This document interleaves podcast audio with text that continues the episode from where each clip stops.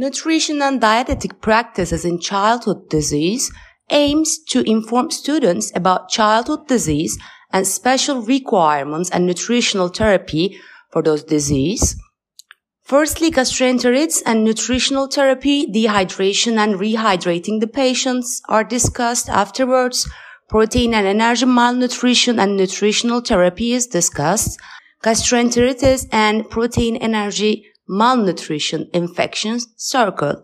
Malabsorptions, carbohydrate, fat, and protein malabsorptions and their nutritional therapy is uh, discussed among the semester. Congenital metabolic disorders. So metabolic disorders of fats, carbohydrates, and proteins are discussed. Insulin dependent diabetes, infections, kidney disease, and lastly, oncological disease and nutritional therapy, some specific cancer types for the childhood uh, are discussed uh, over the semester.